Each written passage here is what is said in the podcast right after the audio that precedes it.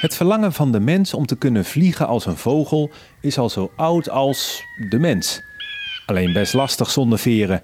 Gelukkig kun je met wat lijnen en een doek in de vorm van een vleugel dicht in de buurt komen van die oeroude droom.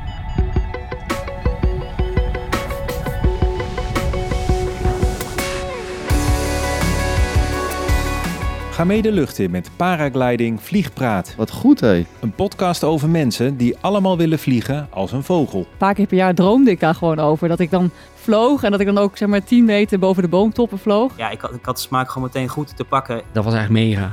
Noem de verslaving. Voor iedereen die meer wil weten over deze fascinerende sport. Na 33 jaar en je kunt nog zo enthousiast over vliegen praten. Ik denk van, ja, dat is eigenlijk al zo.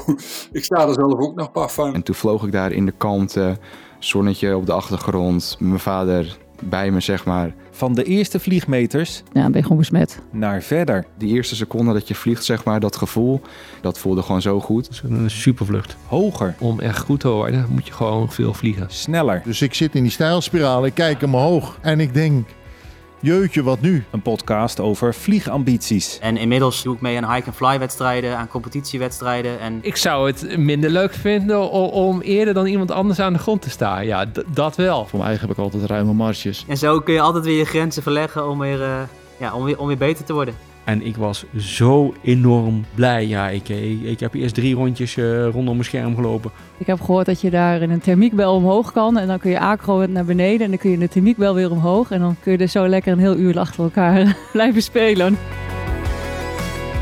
Het leren zelf vind ik wel leuk, hè? want je, je- jij zit zeg maar letterlijk aan de knoppen om iemand eh, zo hoog eh, mogelijk eh, de lucht in te krijgen. Stond ik helemaal niet bij stil dat het eigenlijk een mannensport is. Nou ja, het is het niet, maar dat heel veel mannen dat doen.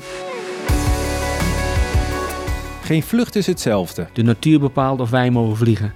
En wij mogen er alleen maar gebruik van maken. En dat kun je natuurlijk heel goed oefenen door gewoon eh, een, een, zelf een inklapper te trekken en die erin te houden. Ja, ik vlieg een maand of twee niet en je voelt toch het verschil. Niet meer eh, up-to-date. We zoeken grenzen op. Er is zelfs een spreuk die zegt van... eh Heute vliegen nur die Profis und die Holländer. Ja, dat wil wat zeggen. Een mens is geen vogel. En dus hoor je hoe anderen omgaan met spanning en angst. Ik denk inderdaad dat voor mij de, de start het meest spannende is. En toen was mijn eh, tandem in tweeën gescheurd in het midden.